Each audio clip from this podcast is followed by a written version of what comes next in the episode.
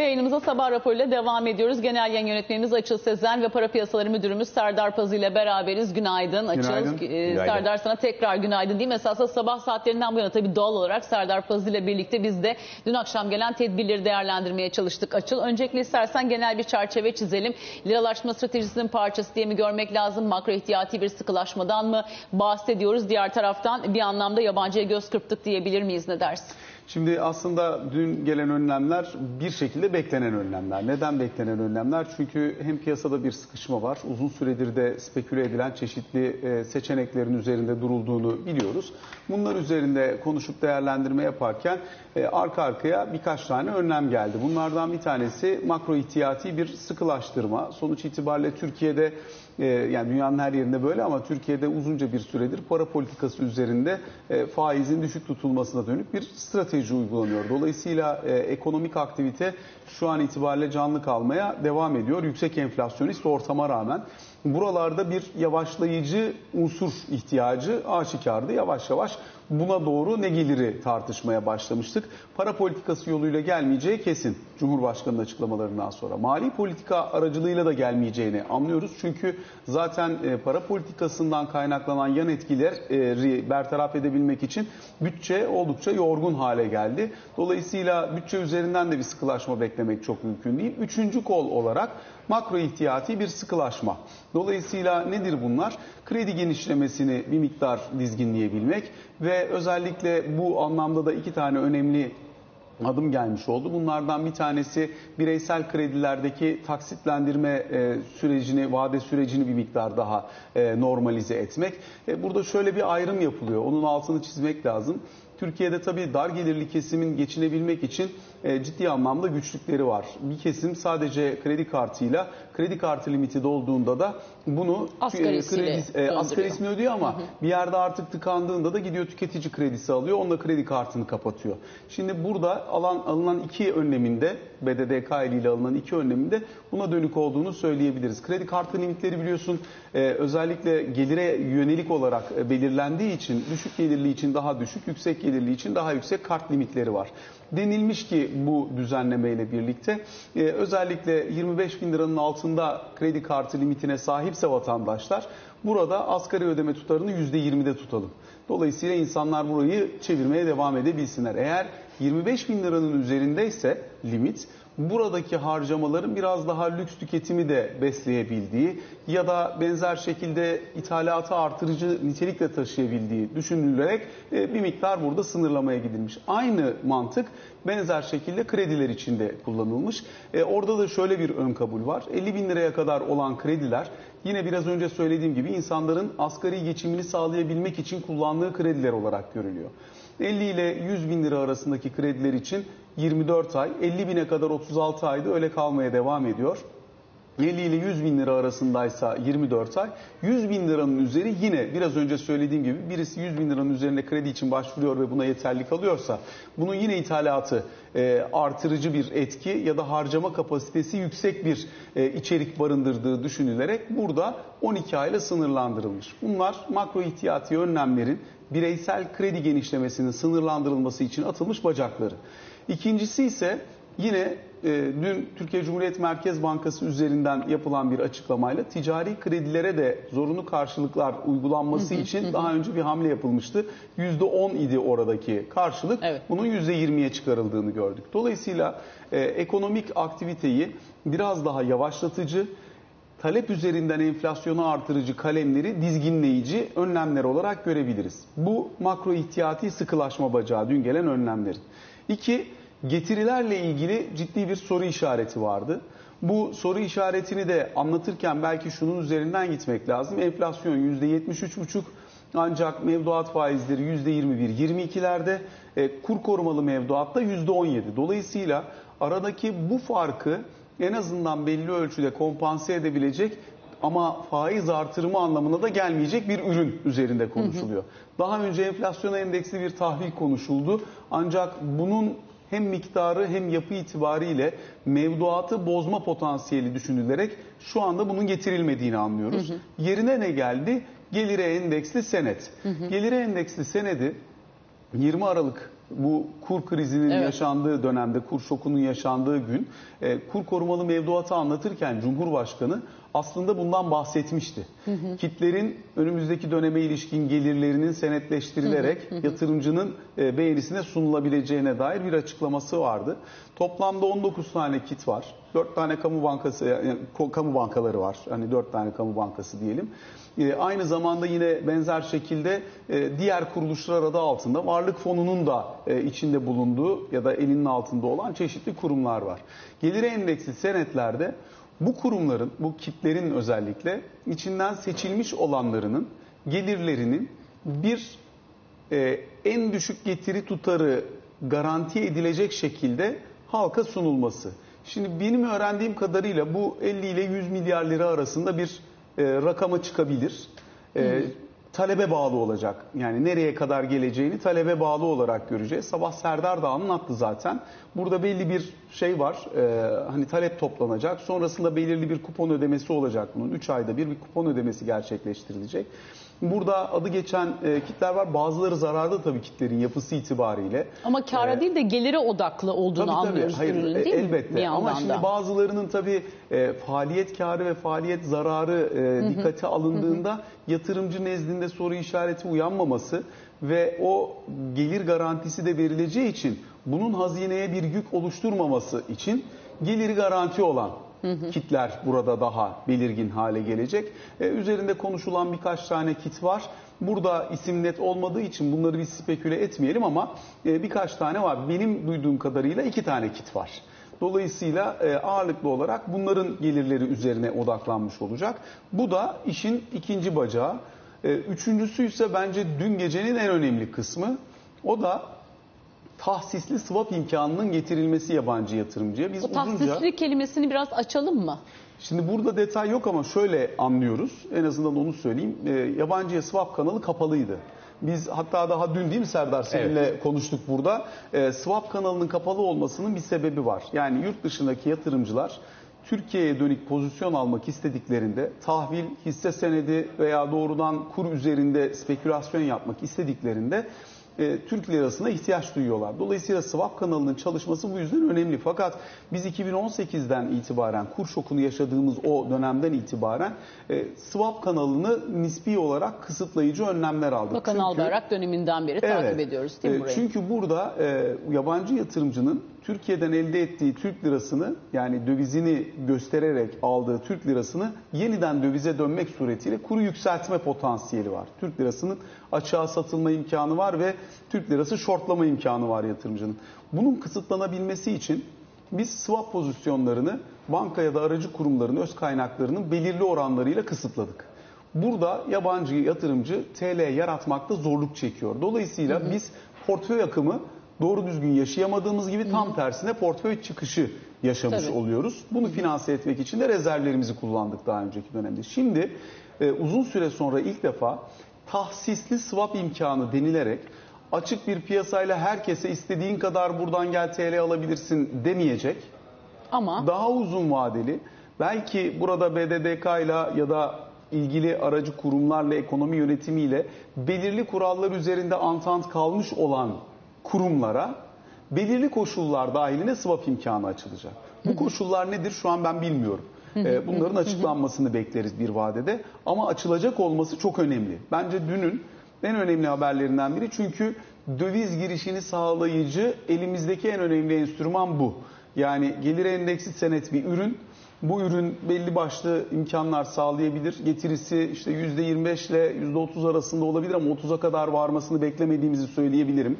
Ee, Burada çünkü devlet tahvillerinin birkaç puan üzerinde bir getiri imkanı e, sunmasını bekliyoruz gelir endeksli senedin. Ama buranın yani bu ürün değerli ve önemli bir ürün olmakla birlikte şu anda e, kafalardaki o enflasyon farkını tamamen kapatacak bir yapıya bürünmesini beklemek doğru olmaz.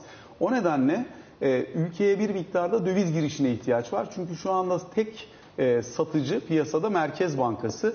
E, bu anlamda da baktığımızda swap kanalının açılıyor olması önemli konulardan biri. Bunu besleyen bir unsur da sermaye piyasası kurulundan gelen bir önlem. SPK'da diyor ki halka arzlarda doğrudan gelip alokasyonunu belirli bir yüzlerin üzerinde tutuyorsa yabancı yatırımcı bana ödediği çeşitli e, burada Ücretler. komisyonlar, Hı hı, ücretler var. Ben bunları ya yarıya indiriyorum ya belli koşullarda hiç almıyorum. Bunu da bir kenara koydum. Son not bu da özellikle yatırımcılara yeni enstrümanlar sunulabilmesi adına işte altının sertifikalaştırılarak hisse senedi gibi alınıp satılabilmesine imkan sağlayacak bir düzenleme. Çeşitli emtiaların, emtia ürünlerinin daha doğrusu yine doğrudan alım satımına imkan tanıyacak bir düzenleme.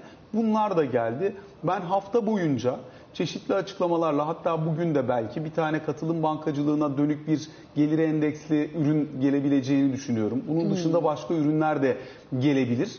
Ee, hani bir portfolyo genişletmek suretiyle, bir ürün gamı genişletmek suretiyle burada hamle yapılmaya çalışılacak gibi görünüyor. Ee, şimdi Serdar istersen bir miktar esasında genel tabloyu açılış çizdi. Seninle ilk sözde de birçok sorunun yanıtını beraber aradık aslında ama Evet. kaldığımız yerden devam babında soruyorum. Şimdi mesela piyasacı bugün bilgisayarının başına oturduğunda hangi konularda netlik arar? Dün hangi tedbirlerde nereler e, bir miktar içi doldurulmaya muhtaç kaldı sana göre? Şimdi tabii yani geliri endeksli senetteki getiri oranının ne olacağı yani mevcut koşullara nasıl bir alternatif yaratacağı bu da tabii peyderpey önümüzdeki günlerde açıklanacak olan ama Vadesi yine ne olacak bilemiyoruz tabii, yani değil mi? şu Açıldı dile getirdiği gibi yani şu an bizim politika faizimiz 14 yani en değişmeyecek şey o gibi gözüküyor. E bunun üzerine e, maksimum 3 puanla 17 KKM'den yatırımcının alabileceği getiri. E, mevduat faizleri bankadan bankaya değişmekle beraber işte 20'ler civarında 21-22 max belki söz konusu olabilir. Ve tahvil getiri eğrisine de bakıldığı zaman işte 2 yıllık tahvil bu hafta ihalesi vardı.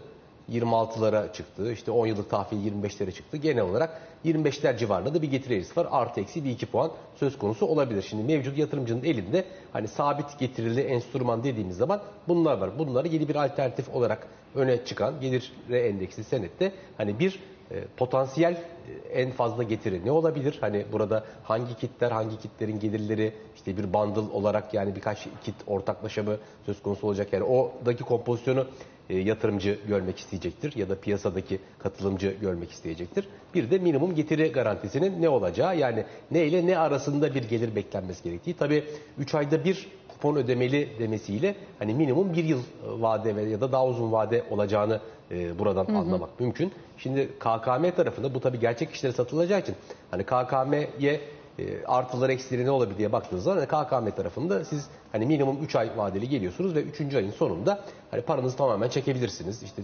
devam ettirebilirsiniz. Daha kısa daha, daha kısa vade yok ama daha uzun vade gidebilirsiniz. 6 ay, 1 yıl vesaire.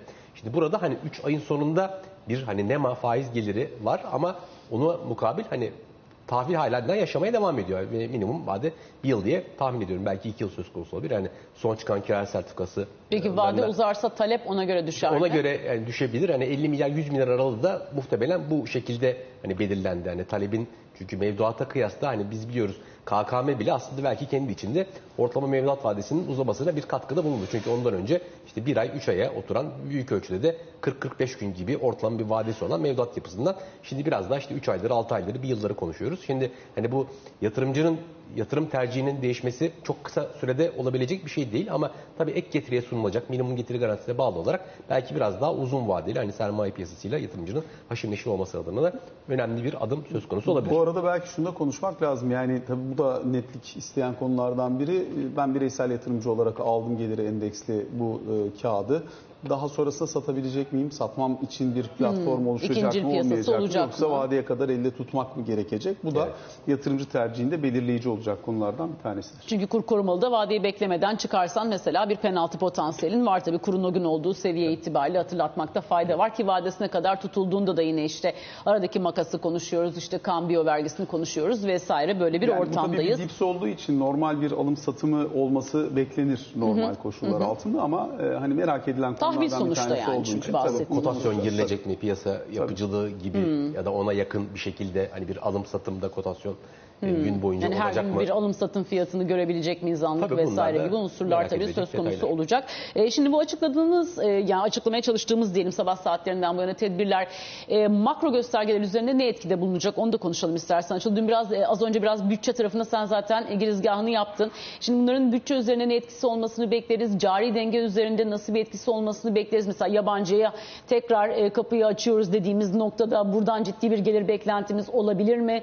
Buraları biraz açalım mı? Çünkü liralaşma stratejisi dediğimiz şey uzun soluklu anlaşılan bir konu. E, ilk adılan adım kur korumalı mevduatta hani döviz tevdiat hesabı artı dövize endeksli hesap diye baktığımızda aslında bizim amacımız liralaşmayken dövize endeksli mevduat toplamını da %72'ler gibi bir yere getirdik çünkü.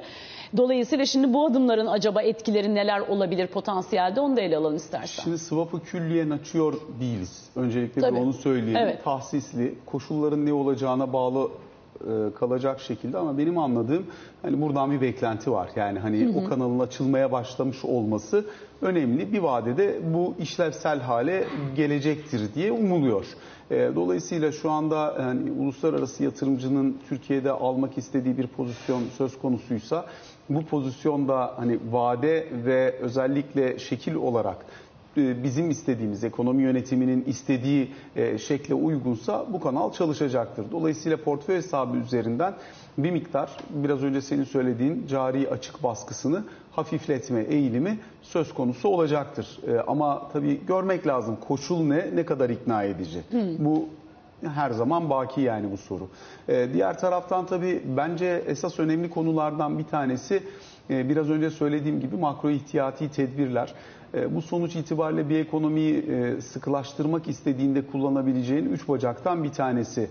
Bireysel kredinin Genelde hızı- tamamlayıcı unsur diye görülen bir şey aslında değil mi? e, Ana politika tabii ama aracından hani ziyade. Türkiye mesela şöyle tabii ana politika aracı para, para politikası ama biz hani bunu tercih etmediğimiz için şu an itibariyle sıkılaştırıcı başka alanlar e, bulmaya çalışıyoruz. Makro ihtiyati önlemler daha önceki dönemde e, örneğin Erdem Başlı'nın Merkez Bankası Başkanlığı döneminde Ali Babacan'ın Ekonomi Bakanlığı döneminde uygulanmış ve özellikle çok e, ısınmakta olan ekonominin soğuması için işlevsellik görmüştü. Dolayısıyla bildiğimiz unsurlar daha sonraki dönemlerde de e, uygulandı bunlar. E, şimdi yeniden e, bunların masada olduğunu anlıyoruz. Makro ihtiyati çeşitli önlemlerle e, bu ekonomideki ısınmanın öne alınmaya çalışılıyor. Bu olursa bir noktada enflasyona talep üzerinden gelen katkının da biraz önce söylediğim gibi azalması bekleniyor. Fakat e, tabii bireysel kredi büyüme hızı bunun içerisinde ne kadar rol oynuyor o tartışılabilir. Hani özel tüketim hala canlı kalmaya devam ediyor. Ee, burada e, önemli konulardan bir tanesi şu. Bugün aldığın her ürün yarın alacağından daha ucuz. Çünkü enflasyon %73,5 görünüyor. Şu anda dolayısıyla Beklentilerde de bir iyileşme yok. bunun da yaratmış olduğu bir ekstra öne çekilmiş talep var. Ee, bu ne kadar gerçektir, ne kadar fiktiftir bunu ölçmek de çok mümkün olmadığı için burada atılan bu adımlarla birlikte e, sağlanmaya çalışılan bir yavaşlama var. E, o yavaşlama gerçekleşecek olursa e, bir miktar hem enflasyon üstündeki baskının hem de cari dengeye talep üzerinden gelen katkının gerilemesi beklenebilir. Yani önemli ve e, bence dikkate değer bulunacak hamleler. Ancak tabii kredi büyüme hızında bireyselin katkısı çok düşüktü. Ticarinin katkısı daha yüksekti. Şimdi buralarda da işte zorunlu karşılık hamlesi de Merkez Bankası'nın o yüzden e, dikkate değerdir. Hani buralarda biraz nispi normalleşme bekliyoruz. Şimdi bugün piyasa nasıl hareket eder? Çok kısaca onu da esasında konuşalım tedbirleri gördükten sonra Serdar. Çünkü dün akşam mesela kurda ani bir geri çekilme gördük ama kalıcı olmadığını gördük. Yine bu sabah 17-20'ler civarında bir yerde güne başladık. İşte CDS'de 800 bas puana yakın kalmaya devam ediyoruz. 2008'den beri en yükseklerdeyiz.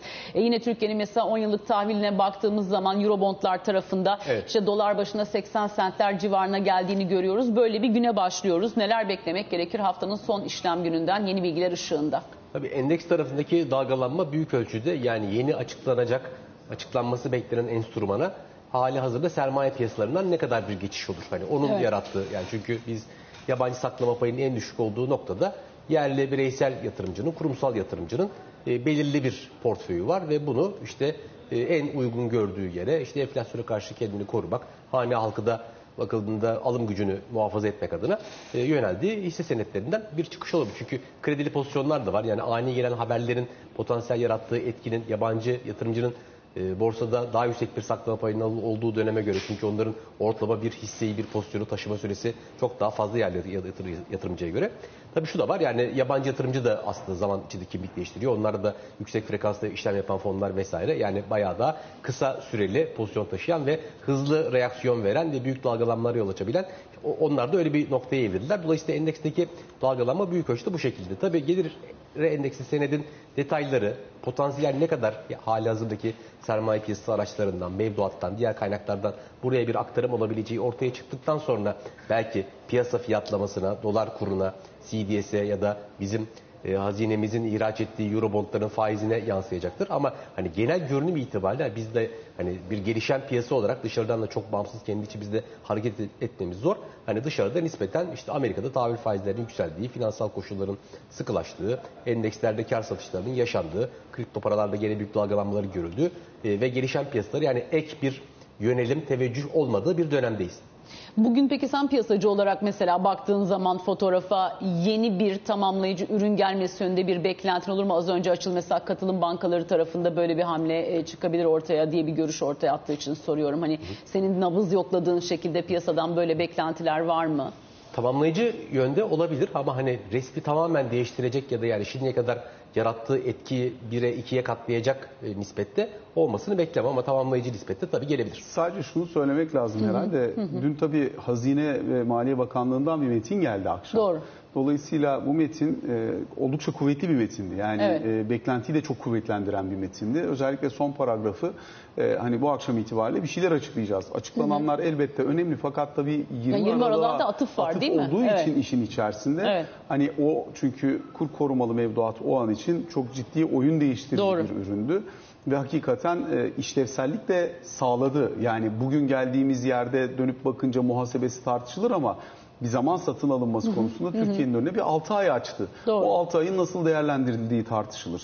Ama sonuçta beklenti o kuvvetli bir e, yaklaşım olacak mı olmayacak mıydı? Ürün bazında bakıldığında hani kurun geldiği yer şu an itibariyle tam o beklenti karşılanır mı onu göstermiyor. Bir gün içerisinde falan görmek lazım. İnsanların burada beklentilerinin ne kadar karşılandığını bir görmek lazım. Sonra dönüp bakarız. Yani hani şu anki fiyatlamaya bakıp da bak öyle oldu, böyle oldu demek çok kolay değil. Bir detayları görelim. Hem swap tarafını görelim. Yabancı akımı konusunda ne kadar etki sağlayacak bunları görelim. Tek bir ürüne bakıp da bu olmadı demek değil. Bir makro ihtiyati sıkılaşma var. Bunu bir görmek lazım bu kur üzerinde etki yaratır bir vadede. Çünkü cari denge üzerinde etki yaratmasını bekleriz. İki, swap kanalının açılmasının etkisinin ne olacağını görelim. Evet birikimlerin TL bazında değerlendirilmesi anlamında dediğimiz gibi dipslerin birkaç puan üzerinde bir e, getiri bekleriz buradan. Ama e, hani 30'ları aşacak bir getiri hatta 30'a ulaşacak bir getiri beklememek lazım. O anlamda çok beklentiyi karşılar mı? Onu da yatırımcılarla konuşacağız elbette. Para Piyasaları Müdürümüz Serdar Pazı'ya teşekkür edelim. Kısa bir reklam arası verelim ardından devam edeceğiz. Elbette ama siyasetin de ajandası çok yoğun. Program bitişine 2-3 dakika kaldı. Genel Müdürümüz Ali Can Türkoğlu ile ele almaya çalışacağız zaman yettiğince. Ali Can günaydın. Günaydın. Ee, hemen çok kısaca sana Yunanistan diyeyim ve e, sözü bırakayım. Ee, şimdi biz birkaç gündür konuşuyoruz aslında açılı ayrıntılı bir şekilde. Ee, dün de Cumhurbaşkanı'nın mesajları üzerinden Yunanistan'dan da karşı mesajlar geldi. Bu son dönemde Bunlar da Türkçe tweet atıyorlar değil mi? Bizden Yunanca tweet Bizden gelince. Yunanca gidiyor, oradan Evet. Türkçe geliyor. Bu gerginlik öyle kolay kolay geçecek bir gerginlik değil şu an itibariyle. Gerçi mesela Yunanistan'dan, muhalefetten, e, Çipras'tan e, bir an önce e, barış sağlanmalı ve bu dozaj düşmeli yönünde bu minvalde açıklama geldi ama şu anda durum biraz sıkıntı. Çünkü aslında konunun özü işte adaların silahsızlandırılması hususu, işte iki anlaşma yani Lozan Anlaşması ve 1947 Paris Anlaşması'yla e, işte bazı adalar Lozan'da bazı adalar Paris Anlaşması'yla silahsızlandırılması öngörülmüş. İşte bir ilki Lozan Türkiye'nin talebi, ikincisi e, Sovyetler Birliği'nin talebi üzerine. Ancak 1960'lardan bu yana özellikle Kıbrıs olaylarından sonra e, Yunanistan'da bu ada- adaları silahlandırmış ve şu noktada Türkiye diyor ki iki anlaşmaya dayanarak e, silahsız olması gereken adalar Yunanistan tarafından silahlandırılıyor. Hatta burada NATO'yu da dahil ederek tatbikat, tatbikatlar yapılıyor. Bunlar uluslararası hukuka aykırıdır. E, bir an önce uluslararası hukuka uygun bir şekilde adalar silahsızlandırılsın diyor. Yunanistan da bunun karşısına karşısında işte 16 tane ayrı harita sunarak uluslararası toplantılarda Türkiye'nin özellikle Doğu Akdeniz'deki e, girişimlerinin uluslararası hukuka aykırı olduğunu, dolayısıyla Türkiye tehdidi olduğunu öne süren açıklamalar yapıyor. Bu gerginliğin ben kolay kolay düşeceğini zannetmiyorum. Ne zamana kadar? İşte liderler bir araya gelecek. E, buradan daha olumlu mesajlar gelecek. Onun da yakın zamanda olmayacağı bizzat Cumhurbaşkanı Erdoğan tarafından zaten açıklandı. Dolayısıyla e, bu e, gergin hava, Ege'deki gergin hava devam edecektir. Ha, bir çatışmaya yol açacağını tabii ki zannetmiyorum. E, iki taraftan da bir çatışmaya yönelik açıklama gelmedi ama uyarılar e, sertleşiyor e, gün geçtikçe. Dolayısıyla Türkiye'nin dış politikasındaki ana gündem maddelerinden birisi olmaya devam edecektir. Bir yanda Yunanistan konusu, bir yanda Suriye konusu. Çünkü yakın zamanda operasyonun Suriye operasyonunun başlayacağına ilişkinde e, mesajlar sahadan verilmeye başlanmış gözüküyor. Dolayısıyla hani bu Evet bugün çok yoğun bir şekilde ekonomi yeni paketleri, detaylarını, yeni gelecek detayları konuşacağız, tartışacağız. Ancak Türkiye'nin gündem maddelerinden birisi olarak net bir şekilde masada bu dış politikadaki iki gelişme sürecek bugün. Ali Can Türkoğlu, Açıl Sezen çok çok teşekkürler. Böylece sabah raporunun sonuna geldik efendim. Hoşçakalın.